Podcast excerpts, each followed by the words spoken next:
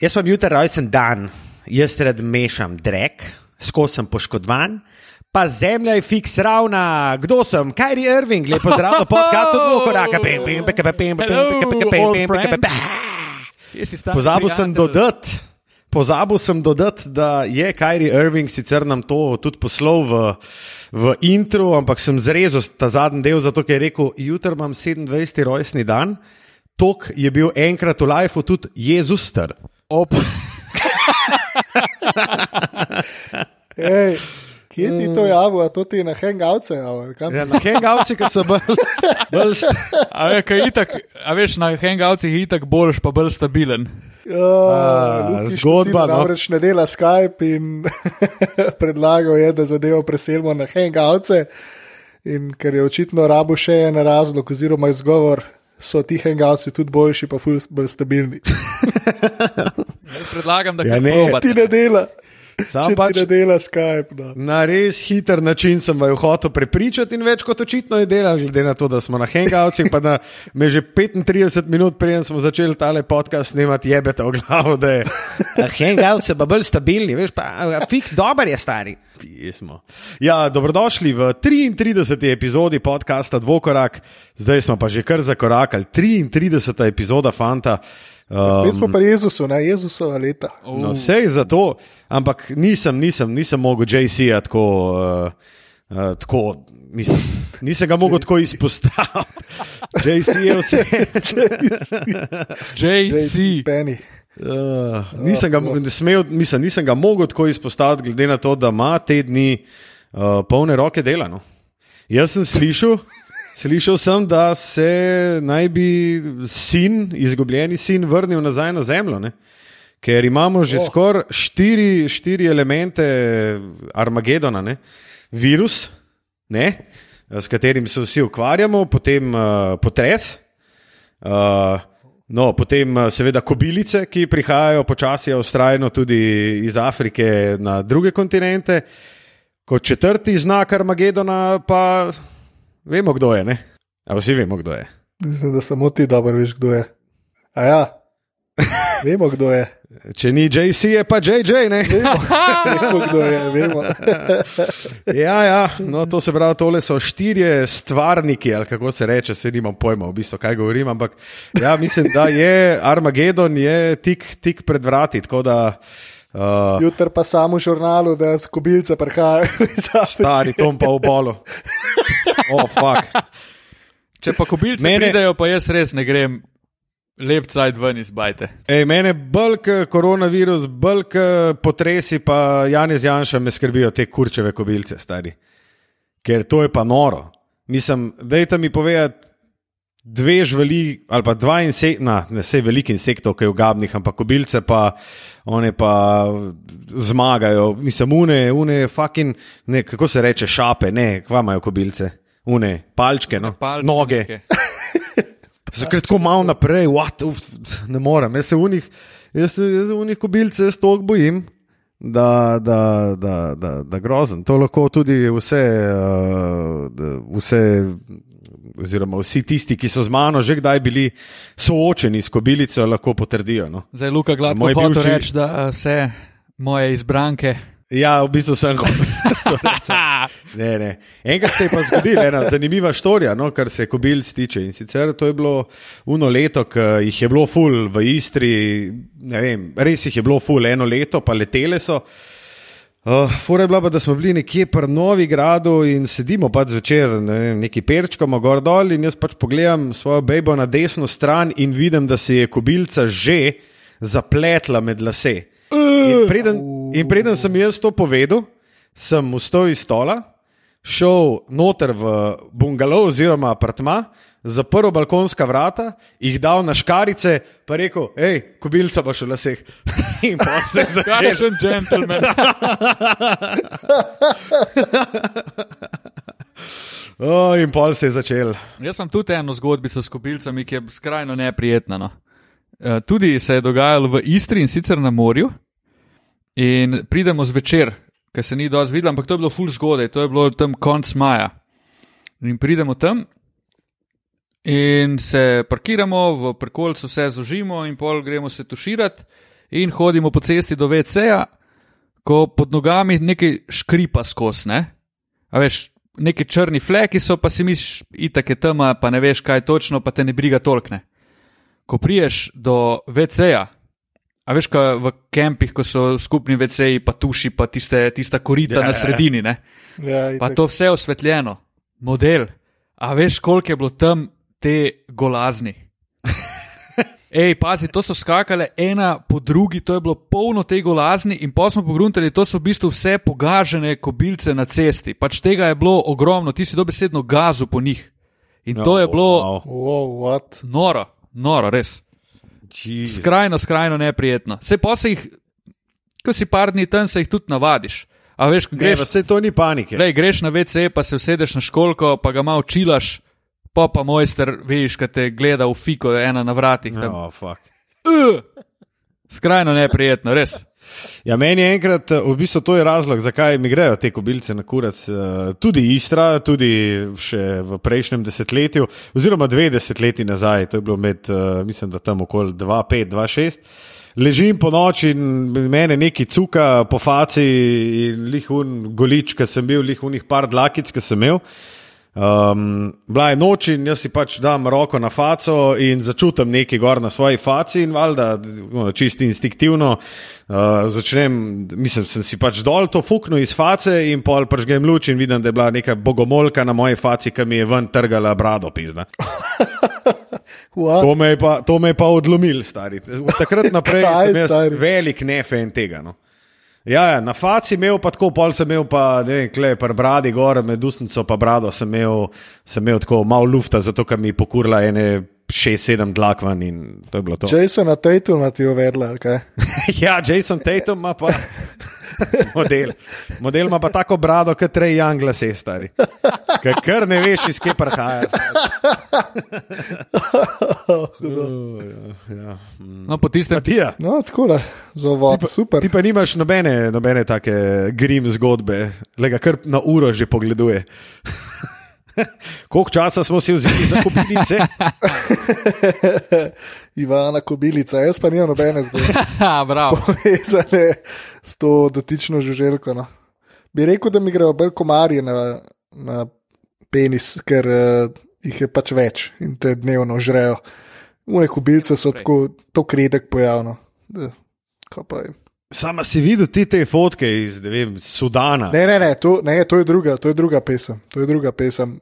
Ok, Matija, uh, torej nobene zgodbe o kobilicah, škoda, namreč najbrž so si naši poslušalci, naše poslušalke zelo želeli še, da uh, nadaljujemo s temi fantastičnimi pogovori o živih bitjih, ostalih, eh, ne samo košarkaših, ki jih radi obdelujemo vsak teden. 33. epizoda, jaz imam svojo najljubšo 33. kaj pa vidva?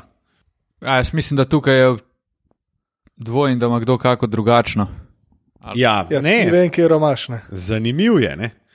Luka, no, kjer imaš Ja, ti? jaz vem, kje ima, jaz vem, kje ima Tilen. Pa jaz se tudi dale druge ne spomnim. Ja? Te, ki jo ima Tilen. Ja, jaz imam uh, seveda gospoda Skotija Pipna. No, jaz se nisem njega spomnil, recimo. Ja, jaz sem Koga se ga, pa imaš? ampak. Ni pa on moj najljubši. Matija, kar povej, kdo je moj najljubši? Ja, Alonso Morning. a Ne. O, oh, wow. Au. Ne, stari, what the fuck.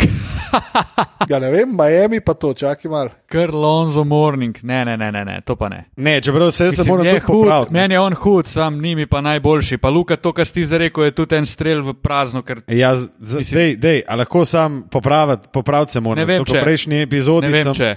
Sem rekel, ja. Ja. da je moj najljubši basketaš Larry Bird, ki ima zanimivo tudi številko 33. Tako, Ampak tako. seveda sem Skotija Pipna zdaj le zbral, tako da super, super. Odlično mi gre, dobro je. No, meni je tudi Larry, ker uh, Ja, se je. Larry z naskokom. s Ja, 33, uh, pa mislim, da ni para. Je pa v bistvu full dobrih igralcev bilo številka 33. Ne? Bird, Jabbar, Ewing, Shaq, Pippen. Tako.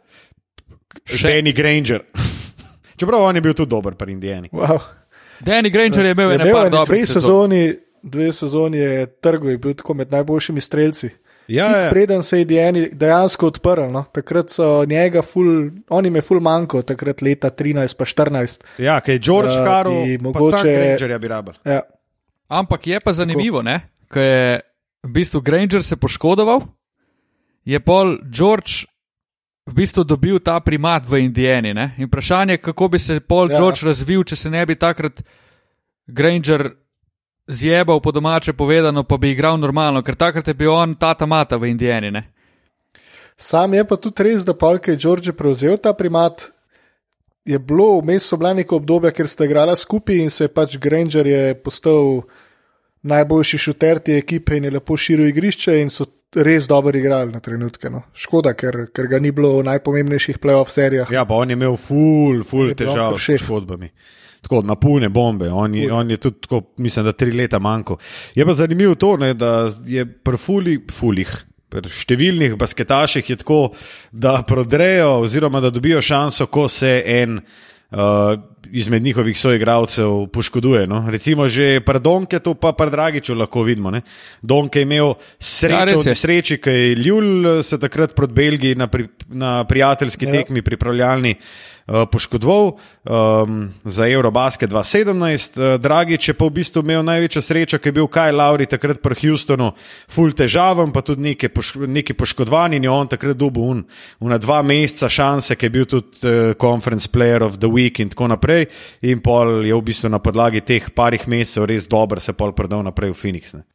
Ja, res je. Wow, kakšna analiza. Nekaj nenavadnega Odlično. za podcast dvokorak, Odlično. definitivno.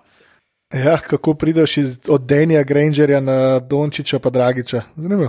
Ja, Ne, se to, se, to, to je kar pogost pojav, da se ta obrat zgodi. Ne? Oziroma, da vse to ne pomeni, da so te igravci drugače, pa tudi ne bi rateli super zvezdniki. Ampak je pa zanimivo, da jim glih ena poškodba nekoga, oziroma nesreča nekoga drugega prenese.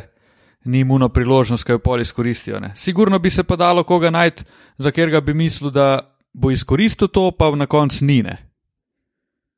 Nimam pa tega primera zdaj v glavi.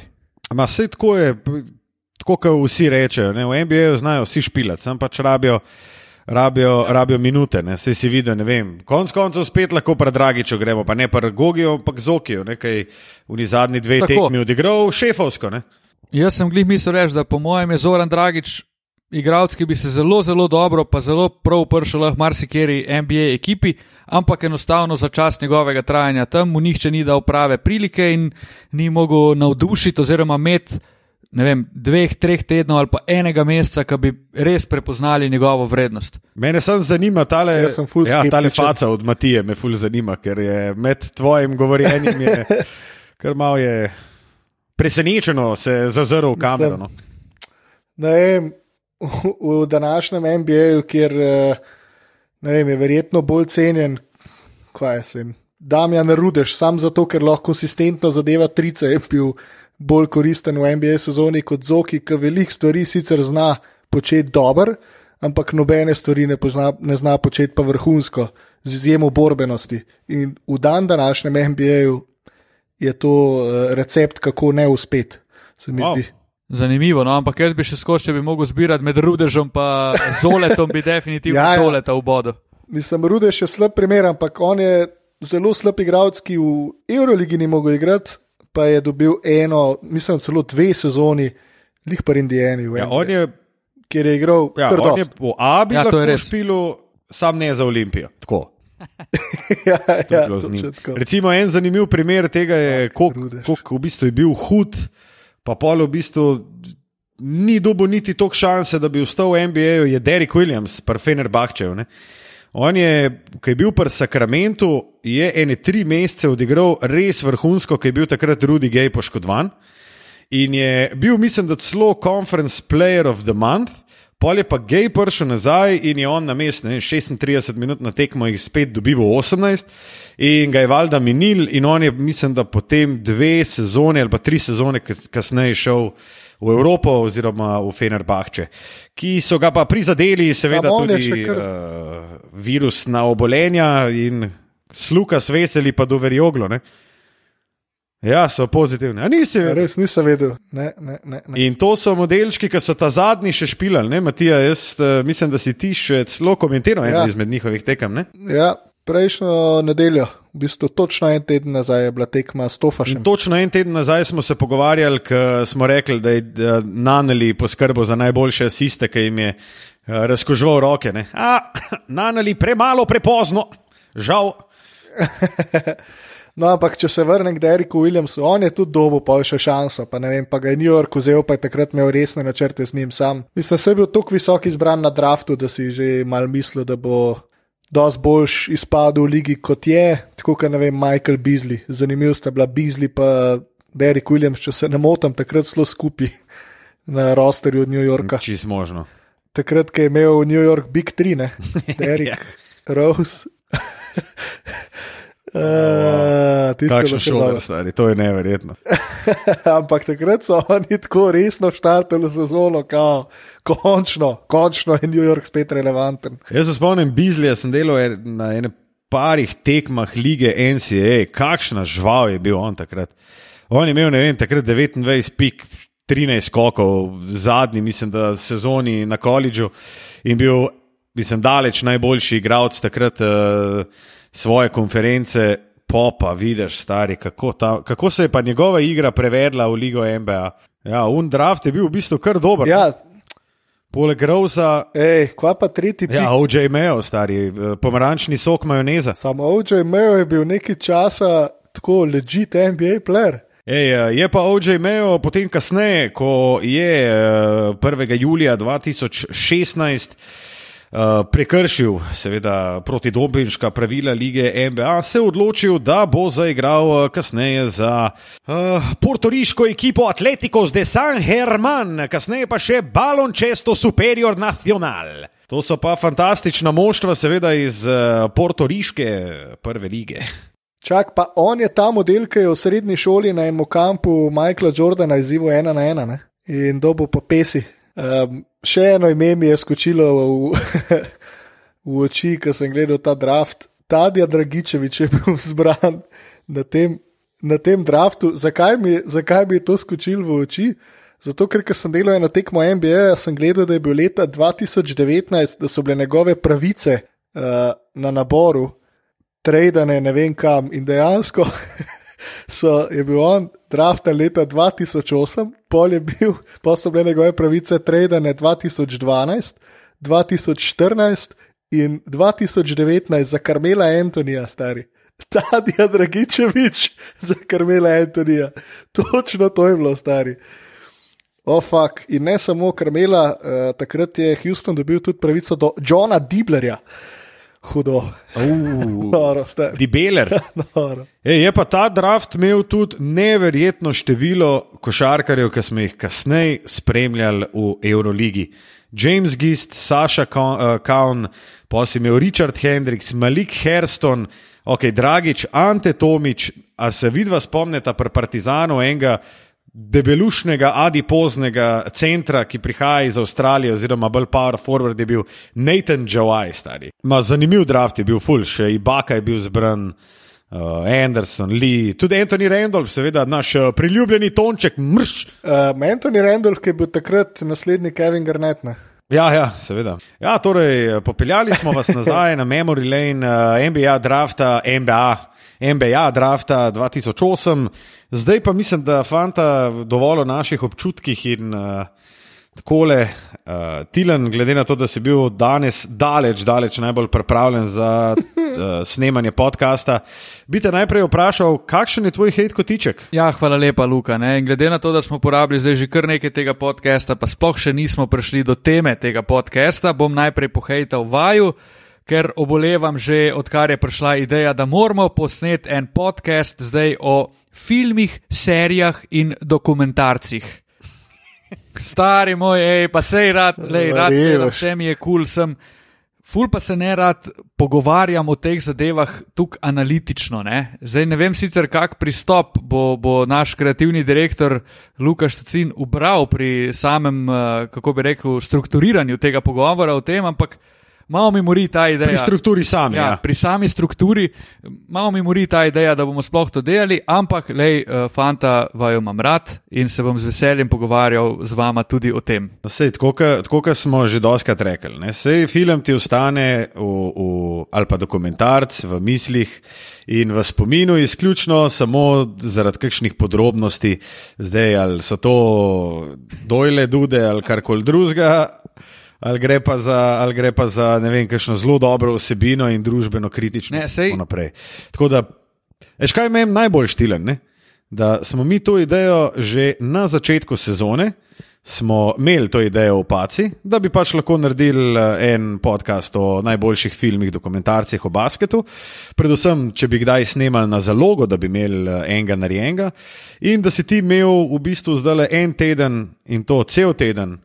Uh, priprav, oziroma časa za pripravo, lahko bi si pogledal, kakšen Ja, film. lej, sej, ne, Ampak, a si si kakšnega Sem, pogledal? pogledal Jaz sem- Mislim, da si si pogledal od nič ne, do ne, ena. pogledal sem filma, si mogoče. dva filma in oba včeraj. Uh, Wow. a sta bila tvoja najljubša? Ne, nista bila moja najljubša, ampak sem pa si utrnil nekaj časa in uh, pogledal dva zelo, zelo solidna filma, moram reči. A zdaj moram povedati tudi, kera. Ne, ne, to pa bomo prihranili A, za okay, pol. okay. Ne, sej, fora je v tem, rad gledam filme, sem, pa rad se tudi pogovarjam o filmih, sem mogoče ne, uh, mi ne ostane toliko v spominu. A veš, jaz bom en film pogledal, mi bo lahko tudi full cool, ampak po, ko me boš ti čez par let vprašal, si gledal to, jaz ne bom točno vedel, o čem ti govoriš. Nisem un tip, ki se zapomne vse igralce v vsakem filmu in pa rečeš ti, ne vem. Uh, Mel Gibson in jaz ti naštejem 15 njegovih filmov, pa kje mi je bil hud, pa kje mi je bil beden. Okay, da mi povej, se kateri je tvoj. sprot spomnila. Ja, ja. Da mi povej, kateri je tvoj najljubši film vseh časov. Nimam najljubšega filma vseh časov. Okay, enega najljubšega. En najljubših filmov mojih je pa zagotovo serija dveh filmov Bad Boys. Torej, kdo pa tam noter igra? Martin Lawrence in Will Smith, to mi je bilo noro in ta film No, z veseljem pogledam kadarkoli, prijatelj. Wow. Prav, Tilan je balune te prve sorte, ki si prej razlagal, da si kdo zapomne dvojne filme, pa kaj tazga. Jaz mislim, da Tilan pade bolj v to skupino, kot v kakšno družbeno Res je, kritično res je, da. usmerjene A, filme. ne, ne, ne, ne, ne, ne, ne, eh, ne, Matija, ne, ne, ne. A kle si je pa zapomnil six-packa od Willa Smitha, ne tam se srajčka od peta hor, pa od zadnje eksplozije. A, vidim, da tudi vidva dobro, kar nekaj veta o tem filmu, tako da nisem tu edini, ne, osamljen v teh spominih. Jaz sploh ne vem, če sem O, ga pa, kdaj že nujno gledal. moreš, nujno moreš. Ja, v drugem, Lahko da sem ga, sem bil mulj, ampak nimam, nimam neke potrebe. v drugem delu fantastična Gabi Union, močno priporočam. Ja, ona je fantastična, lahko tudi če Instagram odprem, zakaj je, cel res film. je. Wow, kakšen dis. Wow. Kakšen dis. Ampak drugače pa imam rad tudi take družbeno-kritične oziroma družbeno-reflektivne filme. A Kva, ameriška pita, ena, dva, tri. Pa scary movie. Ne, imam pa hate, posebej, imam pa hate v bistvu, če smo že se zdaj zaustavili pri tem mojem hejtu in filmih. Uh, nisem pa nikdar maral znanstvene fantastike. In to mi je pa čist brez veze, res. Sploh ne razumem, zakaj bi to tako hajpal, pa ne razumem tega in tudi ne gledam tega. Mislim, jaz tudi nisem nek fan, nisem eh, fan, kot ima eni Star Wars eh, za najboljše filme vseh časov, pa so jih zdaj naštepali v zadnjih petih letih, stari moj. Vsakič, ko sem videl reklamo za kino, je bil nov film od Star Wars, what? No, glavnem, um, so pa ti filmi, ne vem, uh, nekje sem poslušal ali bral, kako lepo zapakirajo neko to tako privlačno filmsko zgodbo, um, drugo svetovno vojno, mnenje o tem, kaj se bo zgodilo v prihodnosti. Ne na zadnje je Lukas, ki je režiser teh filmov, ja. ne motim, a ne, ker jih nisem gledal. Um, ne vem, ideja o tel mobilnem telefonu, mislim, da je nastala prav Star Wars, oziroma je bila tako javno izpostavljena. No, vidiš, kako Ja. pronicajo te filmi v pore družbe. Uh. Pa še gledali Ah. jih nismo. Super. Um, dobro, bom jaz zdaj prevzel tale hit. Jaz imam še enega. Bom zelo kratek. Jaz še še. en hate. In sicer na NBA tematiko. Bom pohejtal gospoda Paula Pirsa, ker sem si danes popovdne pogledal njegov fenomenalen posnetek tekmovanja v zabijanju v srednješolskih časih, ko ga model trikrat zapored ni mogel odlomiti po Eliju podajah in na koncu, ko je skušal zgolj z windmillom, pa enostavno ni mogel zatlačiti žoge skozi obroč. Kakšen drvar je pa ta model, stari, to je pa noro. res. Um, zdaj sem se še nekaj spomnil. je Kdo zasledil un video, ki je Robert Sakre tekmoval na tekmovanju za bijanju na Uf, Japonskem? ja, ja, ja, ja, ja, ja, ja. Robert Samo se pa spomnim. Kjera Stari komedija je pa to? In tipe ne dvakrat hoče. Dvakrat hoče v windmill ali nekaj narediti, in štiri, in tako ne spele, ali, in pa ga tako kucne, en Tomahawk z obema, z obema rokama. Pač neč posebnega kuckega vidiš praktično na vsaki rekli, tekmi. In bohuli japonski sodniki gladko 4-9 pretegnejo. What? Res. Noro. Oh. Ok, uh, gremo naprej z Roberta Sakra in njegovega čudovitega slam dunk kontesta na japonskem in uh, petim deveticam, kot si rekel Matija. Uh, naprej, hejt kotiček, si bom kar jaz vzel zdaj uh, pol minutke in sicer moj hejt kotiček gre vodilnim možem eh, turškega košarkarskega prvenstva, ki so na vzlic eh, globalni eh, krizi, pandemiji s koronavirusom še vedno nadaljevali uh, svojim prvenstvom. Vse, Matija, ti si rekel, da si še prejšnji teden si komentiral eno izmed teh tekem, uh, zabavali smo se v prejšnjem podkastu, kako je Naneli uh, dezinficiral roke svojim uh, soigravcem, a to seveda ni pomagalo, zato ker bi mogel fucking Erdogan, ki je zelo povezan z basketom v Turčiji, ne, že zdavni te dogodke, ne glede na to, da so bili odigrani brez gledalcev, ampak to bi mogel on že zdavni prekiniti, ne, oni so valjda špilali, zdaj se pa vsi čudijo, kako imajo Kostas Lukas, Jan Veseli, pa Ahmed Doverioglo koronavirus, pa najbrž jih ima še kar ena lepa kopica, glede na, glede na to, kako smo videli, kako se je prek NBA to začel širiti, pa da so kar naenkrat pol. Skoraj vsaka ekipa ima vsaj enega do tri, ki so okuženi s koronavirusom. Dobro, ta star, da je zaprito ligo, pa tih bo odpezda. Pa neki, mislim, pa se ni, bas, mislim, basket je velik, ampak ni pa fucking vseeno. Če smo vse lige skenslali, pol, pa ne vem, zakaj bi kdorkoli silo, da je turška liga še vedno v etru, razen to, seveda, da uporablja fantastično taktiko zavajanja množic in govori, pri nas ni pa Benga, v resnici je pa DJ Benga ene Jurija. DJ Penga, velik šef. E, a imamo že top peterko, korona peterko NBA-ja. Ja, pa huda je. Je ne? je stari Gober, Durant? Mitchell, Kejdi, Irving. Uh, potem, ja, dobro, Irving, Ir, ne, nam rekel, da bi ga mogel imeti samo zaradi karme, ampak uh, mislim, da ga ima un uh, Wood ne, iz Detroita, ki je v bistvu dobro špil od A, našega. ja, ja, ja. Pa imamo pa še, dolgo je še dolgo. Marko Smart. Marko Smart, evo pa imamo v bistvu noro petek. Ja, zelo dobro. No, tle bi se mogoče sam navezal. Pogovarjal sem se pred dnevi z Jakom Malusom, ki igra v Belorusiji, rokomet. In uh, sem vprašal, pač, kakšno je stanje tam, in rekel, da se tam zadeve čisto normalno odvijajo. Da je Lukašenko je prišel na poročila in rekel: Noč fante, gremo na traktor pa delati. in se vse dogaja, da korona ne obstaja, wow. korona ni, to je laž. Korona je zgolj privid, ki ga ne vidiš. Wow, zanimivo, kar neki. V glavnem. Um, Še jaz uh, prihajam na, na vrsto, prihajam.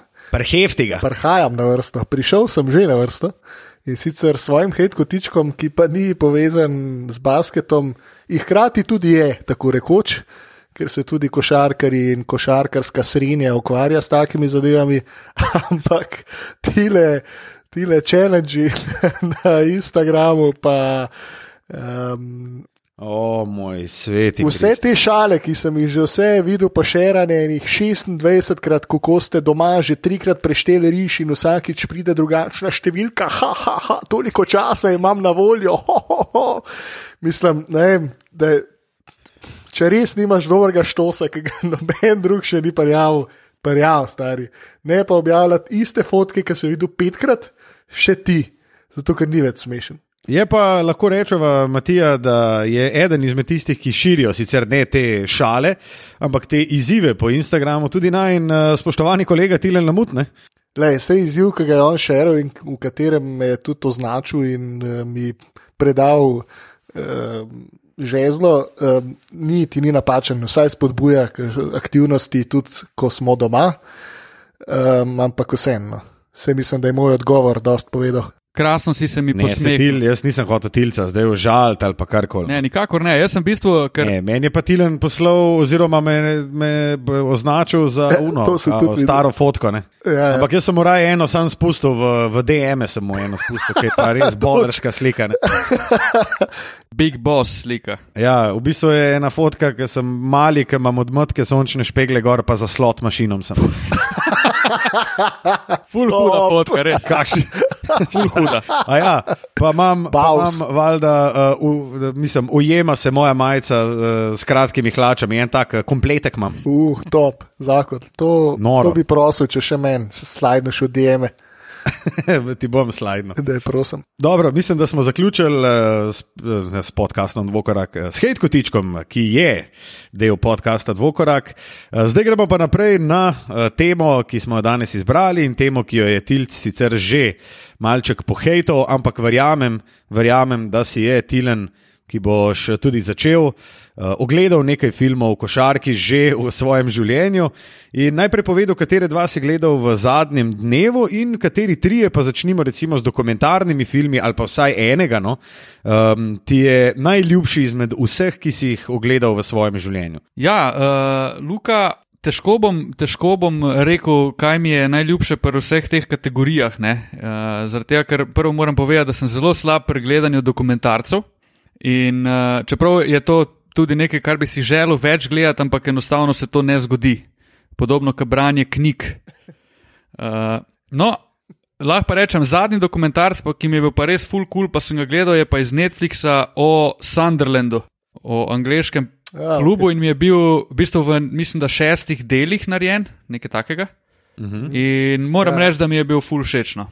Uh, Super, uh, športnih je, bi si jih dober je. hotel več pogledati. No. Ja, mislim, odlično je, gre za fantastičen uh, večserijski dokumentarec, ampak glede na to, da smo o tej ideji govorili že na začetku sezone, pa tudi pred. Uh, mislim, da že po koncu prejšnjega podcasta smo se pogovarjali o najljubših košarkarskih dokumentarcih, um, ne pa o najljubših športnih dokumentarcih Tilen. tako da- Stari, Fantastična a se, pra- priprava. A se pravi, da bomo mi dan, na, to, pa, to pa moram takoj zdaj reči, da, da je bilo pa tu omenjenih nekih košarkarskih tematik, pa ni bilo glih dost, ne, Luka. No, eh, jaz se bom tle kar razluko A, povedal. zakaj me to ne čudi? v, v koalicijo. Um, ne vem, Prid zakaj Počivalšek. tega- Ne vem, zakaj ti to samo po sebi ni Matija, jasno, pa smo se bomo pogovarjali, pogovarjali. preden smo danes začeli, da boš z mano potegnil, zdaj pa k njemu. A ja, vidva se kar tako proti, proti kreativnemu, se, se vidva, preden začnemo snemati, da je danes ga bo pa sfukala. Imam pa, imam pa košarkarske filme, ki so mi zelo všeč. Če to kaj pomaga. Okej. No, vidiš. To zelo pomaga, ampak eh, te bomo mal side tracknili, zato No, ker bo dajte. zdaj Matija povedal, kateri je njegov najljubši košarkarski, oziroma mo- morda celo trije najljubši košarkarski dokumentarci, ki si jih je ogledal. Um, ja, zato, ker so tudi malo družbeno kritični, kar je meni definitivno všeč pri takih zadevah. Um, in verjamem, da sta oba, oba že gledala in ju dobro poznata. Od ESPN 30 for 30 je Once Brothers, mislim, da smo ga že praktično vsi gledali. Um, tisti, ki ga še niste, to storite čim prej. Zgodba o razpadu Jugoslavije in uh, prijateljstvu Dražena Petroviča in Vladeta Divca. Še en, ki je, ja, Luka, povej. Ja, jaz bi rad, sam, kar se tega dokumentarca tičem, da, tiče, uh, bi rad povedal to, da je vrhunski dokumentarc, vrhunsko zapeljana zgodba, ampak recimo predvsem v Srbiji je ta dokumentarc naletel na, na dokaj neod, na velik neodobravanja, pa ne samo v Srbiji, tudi predvsem na Hrvaškem. Glede na to, da vlade pa dražen na koncu nista bila neki zdaj full in um, mislim full close, oziroma sta bila več ali manj kar skregana, in da so nekateri vlade tu učitelj, da je to naredil v bistvu taka, tako neko PR potezo in da je eno tragično zgodbo obrnil, kao seb, pa ne sebo pridem, ampak se je povezal s to zgodbo na način, na katerega bi se lahko še vsi njegovi soigravci odražali skozi celo kariero, ampak je on v bistvu to naredil zato, ker je imel pač največ moči, oziroma ker je imel doseg, ker je lahko prišel do ESPN. Sam ta pomislek, meni je bil pa tudi ta dokumentarc v bistvu zelo všeč. Ja, vse v bistvu. No, vse narejeno je zelo ameriško, ta zgodba je tako zapeljana, da je zanimiva. Tako da to ti komentarji in z hrvaške in srpske strani me niti ne presenečajo. Nisem jih zasledil, prvič slišam, ampak nisem presenečen, da bi pa se v bistvu ona dva ali druge zmotil. Ona dva na koncu res nista bila kul. Cool. Ja, pa se to tudi hoče ja. povedati, ne, kaj je v bistvu naredila, naredil, naredil razpad države oziroma struja na eni in drugi strani. Ok, pustimo še ena. Uh, zelo zanimiva zgodba je pa Diadr Dream Team uh. o, o litovski reprezentanci, ko se je Litva končno odcepila od Sovjetske zveze, um, ki je bila takrat košarkarska vele sila in v začetni peterki uh, te reprezentance so igrali trije Litovci, ki so kasneje na olimpijskih igrah 92, na katere so se v bistvu sploh komi so sploh prišli do Barcelone, zato ker niso imeli nobenih sredstev. Uh, The Grateful Dead band iz Združenih držav Amerike jim je daroval, uh, dal na res trenerke, ki so še zdaj fulkultne v Litvi in v Združenih državah. Um, no, ampak vsem reprezentantom so spravili na olimpijske in Litva je bila tretja, ne? če se jaz ja, ja, tretja je bila. Um, ja, in nasploh zgodba, kako je Sovjetska zveza ravnala z Litvo, uh, kakšne težke zgodbe so imeli vsi ti najbolj znani košarkari, uh, Saboni, Smrčuljoni, Skomičus. Um, res, res zanimiv za pogled. No? Um, mogoče mi je ta celo najljubši izmed vseh. Ja, še ena, pa, še ena fulj ja, zanimiva okay. zgodba iz, iz tega dokumentarca je ta, da je v bistvu Sovjetska zveza tem starterjem iz Litve uh, že na prejšnjih olimpijskih v Seulu 88 rekla, da, oziroma obljubila, da bodo lahko špilali za zahodne ekipe oziroma v zahodnih ligah, to se pravi v Ligi NBA in v Evropi, če bodo zmagali olimpijske igre leta 88, kar so naredili, premagali so Jugoslavijo v, v finalu in pol je v bistvu Marčelonis postal prvi takrat sovjetski igralec, ki je igral v Ligi NBA, Sabonis je bil pa mislim, da prvi Litvanc. Ki so ga američani dejansko draftali za to pač železno zaveso. To je bila tudi meni ena, en tak full lep uh, detajl, mi je bil klenoter. Ja, pa hkrati tudi malo predstavljena zgodba Žalgiri iz CSK, ki se zdaj ne pozna več toliko, ki je bilo v bistvu verjetno celo največje rivalstvo v Evropi svoj čas, um, ravno zaradi teh razlik med državami oziroma zaradi uh, te premoči oziroma sistema, v katerem se je znašla Litva in posledično tudi Žalgiris. Um, ne vem, mogoče kot tretjega bi mi zdaj na misel pade ta o Carterju. Um, Carter efekt. Zelo lukati veš. To v Torontu, ampak malo bolj všeč mi je bil pa isto iz serije 30 for 30 v DSPN, um, ta, to rivalstvo Indijane in New Yorka. Uh, In zgodba Reže Miller, čak zdaj bom najdel naslov, ki si nisem zapomnil. A tam pa tipkanje. V glavnem, v glavnem iz, iz zlatih let tega rivalstva, um, pa rivalstvo med njim, pa Spajkom Lijem. Uh, in sicer je Winning Time, Miller vs. Denix. Mm, zelo, zelo dobra zadeva, zelo zabavno. No, ok, jaz bi pa odlična, odlična izbira, moram reči, Matija, da sem kar navdušen nad tvojimi izbori. Um, jaz sem tudi uh, tale Diadr uh, Dream Team dal v svojo prvo uh, trojico. Enega imam isto v DSP-1 in to je un. Um, Uh, dokumentarc o Brdu in Johnsonu, Korčip uh, uh, of Rivals, ki v bistvu gre čez vso to zgodbo, kako sta one dva v bistvu prišla iz čist drugačnih okolij in v bistvu kako, so, kako je Liga NBA to v bistvu izkoristila, da spet dvigne svoje rejtinge ja. in da sta one dva v bistvu tlakovala pod Jordanu in njegovemu superstardomu, kar mi je bilo um, v bistvu ful, ful dobro, tudi zapeljana zgodba in kako sta bila najprej sovražnika, mislim, sovražnika, kako se nista marala, pa bila ful tekmovalna in pol ratala prijatla, pa še vedno to tekmovalnost vzdržvala. Uh, ta Korčip of Rivals je hud, pa mislim, da se ga najde tudi na YouTubu v celoti. Um, kot sem pa že nekajkrat omenil, je pa Hoop Dreams uh, za me eden mm -hmm. boljših, boljših dokumentarcev nasploh. To je bil pa v bistvu, malo si bomo že vzel zdaj le časa in sicer to je bil v bistvu uh, dokumentarce, ja, oprost. Tilc, le, veliko si me naučil skozi leta in to sem pa res vzel od tebe. Ah, hvala lepa. Z veseljem, z veseljem.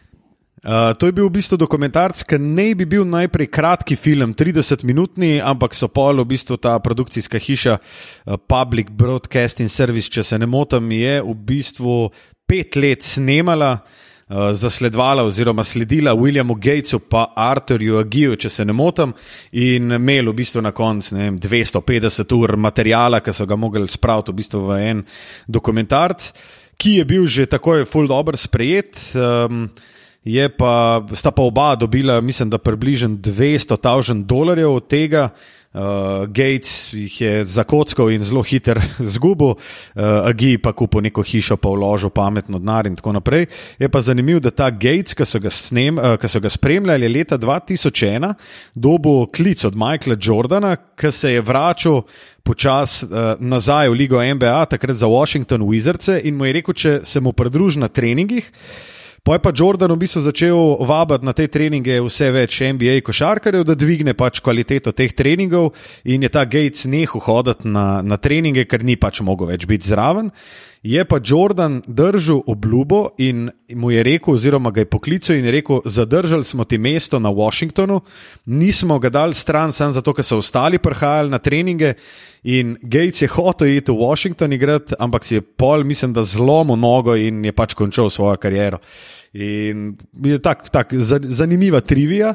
Um, pa še neki, v bistvu bi lahko bil ta film um, nominiran za Oscarja.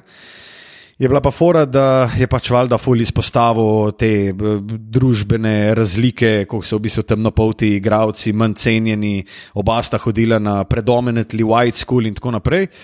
In tudi pri Oscarjih um, so imeli v bistvu gledanje oziroma spremljanje tega filma, ta njihova žirija, in vsak je imel svetilko, ki je pržgal, ko pač ga ta film ni več zanimal, oziroma ko ga ne bi več en človek iz te akademije uvrstil na seznam nominirancev in ta film so ugasnili v uni sobi po 20 minutah. Čeprav je dobo, ne vem, na Sundanceu za najboljši dokumentarci in še vedno velja za enega najboljših dokumentarcev v zgodovini, tako da prosim, ljudje božji, pogledajte si Hoop Dreams. Oh, wow. A jaz lahko, jaz sem šel zdaj malo pogledati to serijo 30 for 30 ker sem večino teh dokumentarcev pogledal, pa sem že kar mal pozabil in bi jih sam še par izpostavil, ker so res dobri. O Elenu Iversonu in uh, obtožnici proti njemu obstaja en dober nov crossover. Um, potem je zelo, zelo zabaven uh, The Fab Five uh mhm. -huh. o Michiganovi peterki uh, z Jelenom Rosom, Joanom Howardom in uh, Chrisom Webrom in tako naprej, ko so fanti med sabo tudi pošteno skregani in um, ta, ta, ti slabi odnosi uh, so še danes, se jih uh, opas, ko eni in drugi delajo na televiziji, oziroma podcaste in tako naprej. Ja, pa tudi SB Nation je naredil prav uh, poseben ja. beef history, oziroma ja, beef history med Jelenom Rosom in Chrisom Webrom. Ja. Boj, da se modela ne morata videti. Um, no, ja, pa tale, uh, Going Big, o zgodbi o Samu Buju, ki je bil zbran uh -huh. pred, Lebro, pred Lebronom, wow. Michaelom, Jord Michaelom Jordanom. Jordanom. Michael Jordan. Jordan. Ma, ma che Michael Jordan, ne? Ma Michael je igral, ne? Malo je igral, pa potem prišel v Ligo NBA, ne? Wow, najslabši italijanski. pa Lenny Cook, Lenny Cook je bil, uh, zato sem se spomnil na Lebrona, ki je bil boljši od uh, Lebrona v srednji šoli, oziroma to se je jasno malo napihnil, ne? bil je tudi nekaj let starejši. Um, to je še ena zanimiva zgodba. Benji je fulj zanimiva zgodba o hmm. fantu iz Chicaga, ki so ga ubili. Ja, on je bil znan kot najboljši, najboljši tak. Uh, on je bil eden največjih prospektov, ne? takrat Benji, pa so ga pol ja. skenslali če lahko temu tako rečem. Ja, dobro, mislim, mislim, da smo dali. Pa čak, pa ta model še, no? ta model, ki je šel, ki bi mogel biti Len Bias. Se je zadrugil, Len Bias. Ja. Uh, Zgodbe o teh ljudeh so zelo, zelo zanimive. Odličen, odličen nabor uh, dokumentarnih filmov smo vam dali. Če ne drugega, tudi uh, Tilen, zdaj si boš lahko več dokumentarcev pogledal, pogledal zato ker uh, sem prepričan, da te bojo zanimali. Ja, v bistvu moram reči, ne, uh, ko si začel.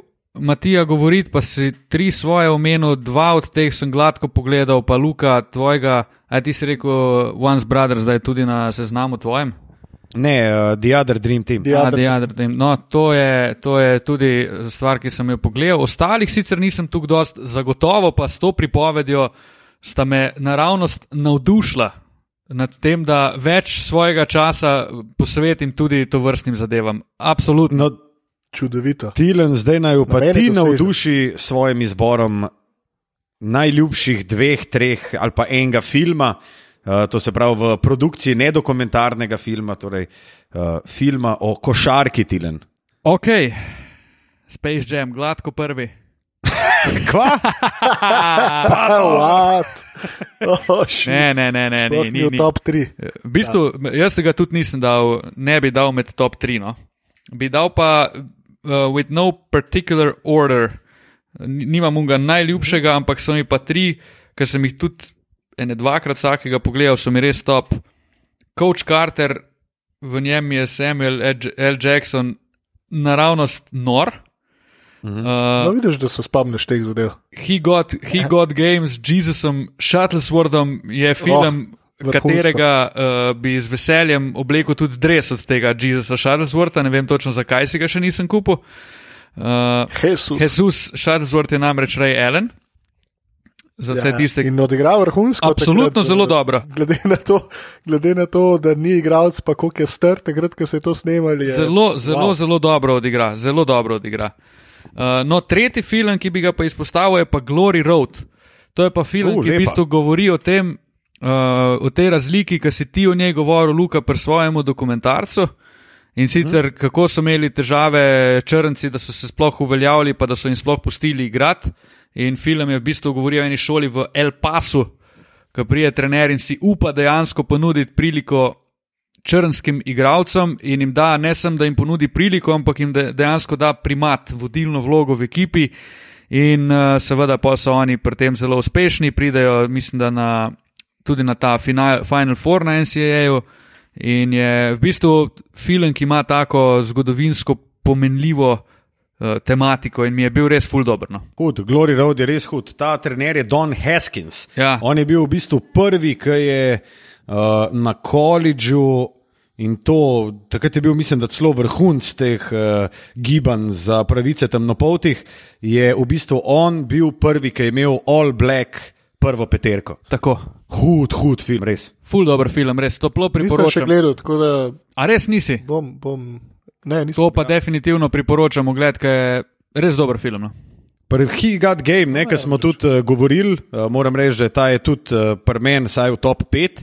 Uh, bi jaz rekel, da ja, Ray Allen je bil takrat res hud, glede na to, da ni imel nekih uh, hudih vaj in tako naprej. Ampak vseeno je pa treba, treba povedati, da se vidi noter, da je Spike Lee delal ta film. Da je Je. yeah. tudi Denzel res nosil, nosil veliko to, mislim, to igralno vlogo. Denzel je bil ful tudi, tudi dobro odigral, res. Denzel je bil takrat, ta vsaj kar se mene tiče, Ja, je bil na vrhuncu. No. Unih, ta 90 je bil on daleč, daleč najboljši igralec. Um, res je bil hudno. Um, Mm. Matija, imaš Luka, kaj pa mogoče tvoji? Še... A, moji. Ja, jaz se bom pridružil s Higat Game. Meni je bil všeč eh, tudi ta Glory Road, uh, hud film, uh, bi pa samo zaradi tega, ker sem ga kot otrok velikrat gledal, zato ker sem se začel spoznavati, seveda uh, tudi uh, z repom, z rep glasbo in tako naprej. In sem poslušal te štikelce uh, doma. Uh, Higat Game je eden izmed teh, ki je bil tudi pač meni. Zelo všeč tudi zaradi uh, te note repa, drugač pa Above the Rim, uh, kjer je bil. Stari, vzel si mi ga, pet, pizda. Lej, lahko, lahko podebatiramo. Res. Lahko podebatirava o Ja, the men, meni je top, zelo dober film. Mislim, zdaj bi mi bil manj zanimiv, kot mi je bil takrat, ampak ko sem bil mulj, sem ga, sem ga pa ene parkrat pogledal. Um, tu pak še kur, ne? Ja. Še kezi, Šakizi! igra noter, wow. Marinko Šarkezi. Oh, wow. Ja, igra noter tega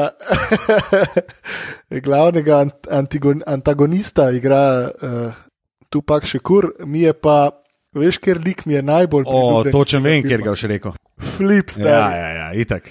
Flip, ki je v bistvu Flip Murray dobil po njem uh, nadimk. Ronald Flip Murray je pa svoj čas igral zelo, zelo dobro košarko. Mm -hmm.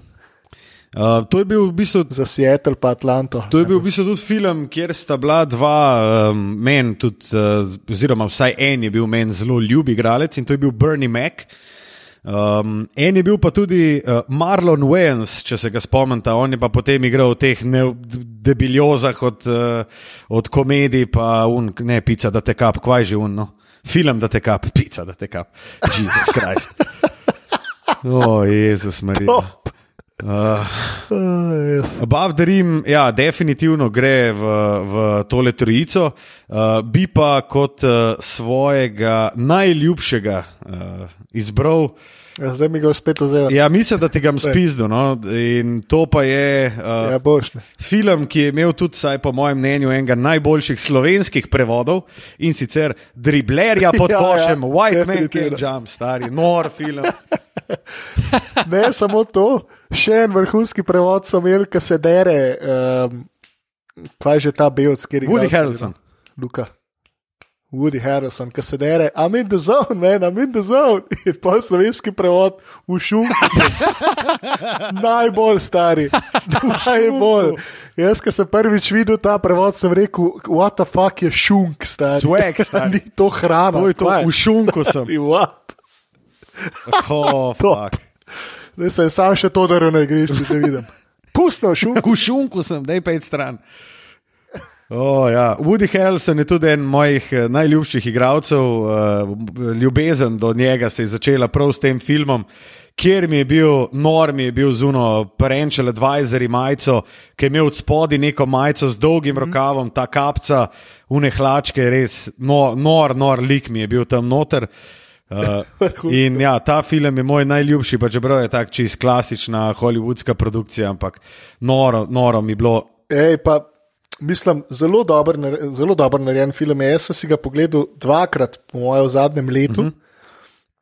In zdrži, zdrži, to kolesje časa ga ni povozilo. Res je, dob, je dober film. Mislim, da ima tudi na IMDB oceno čez sedem, no, tako da ni kar nek. Ja, ja.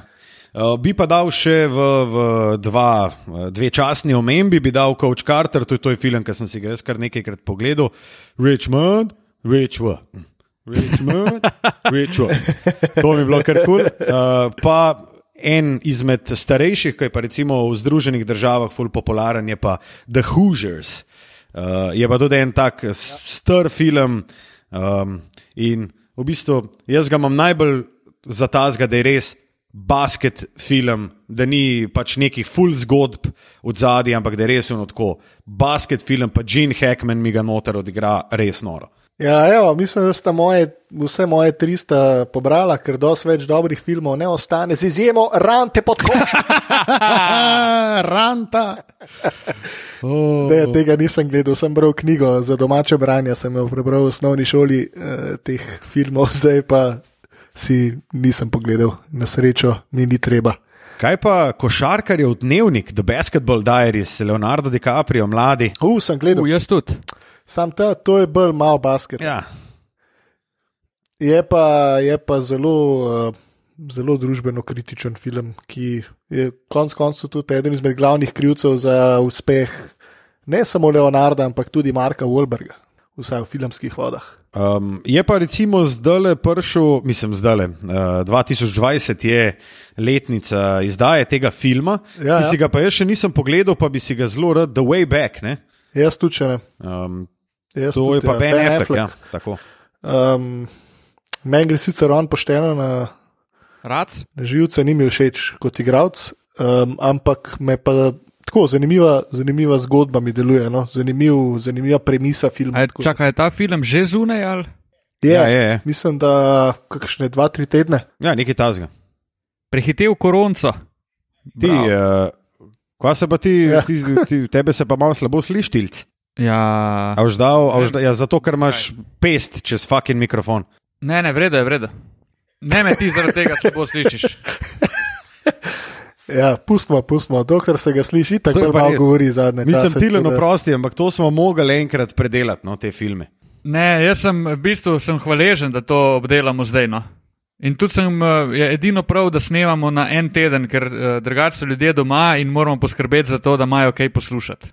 In vajno znanje o filmski produkciji na področju košarke je zavidljivo. Mislim, tilc, hvala. No. Oh, tilen, nehaj. Nehaj. No. Dala sta mi v bistvu materijala, da se sploh ne bojim, da, da ne bi mogel preživeti naslednjega meseca v karanteni. Kar objel bi te, če bi bilo to družbeno sprejemljivo. Ja, mislim, da smo prijadrali do konca tega sicer. eh, Moramo reči, zelo mučnega podcasta za vso trojico, glede na to, da je Tilco štirikrat vmes crknil program za snemanje in smo mogli štirikrat začeti. ne. Tako da v bistvu, v bistvu smo full enih tem še obdelali, ki jih ne boste slišali najbrž. Mislim, Tilen, mi dva te ne obsojava, definitivno ne, pa se zgodi tehnika, pač uh, gre co grunt na vsake tok cajta. Uh, moramo pa reči, da mislim, saj jaz lahko rečem, da sem uh, psihično najbolj utrujen prav po tem podkastu. Izžet si, Izžet. Luka, spet si Ja, izžet. Stari, to pa, zdaj sem pa že tam tanka bagala. Tam še na Google pogledam, oziroma teja pogleda na Google, pa mi reče, Luka, ti si izgorel. Pom pa vedel, da, je, da, da moram knjigo napisati. počasi. Stari, zna biti, ne, ko smo že ravno pri filmih, da bo, glede na to, da je to velika knjižna uspešnica ali oše bagole, bo ne posnet tudi kakšen film. In kaj veš, da boš ravno ti prvi kandidat za glavno vlogo, glede na to, da se lahko tako po- A, poistovetiš. definitivno je Luka zelo blizu. Uh, je pa v bistvu s to besedo izgorelost. ne? Uh, mislim, da ima ta beseda po zelo obetavnem začetku leta, nima več nobenih šans za to, Ne, da bi bila beseda ne. leta. Ja, res je.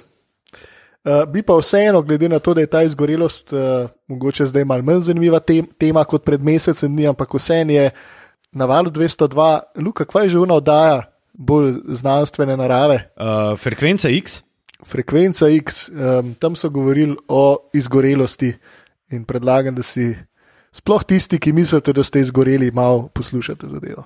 Luka, s tabo na čelu. ja, ja, nisem imel bi po imenu lahko omenimo. Ne?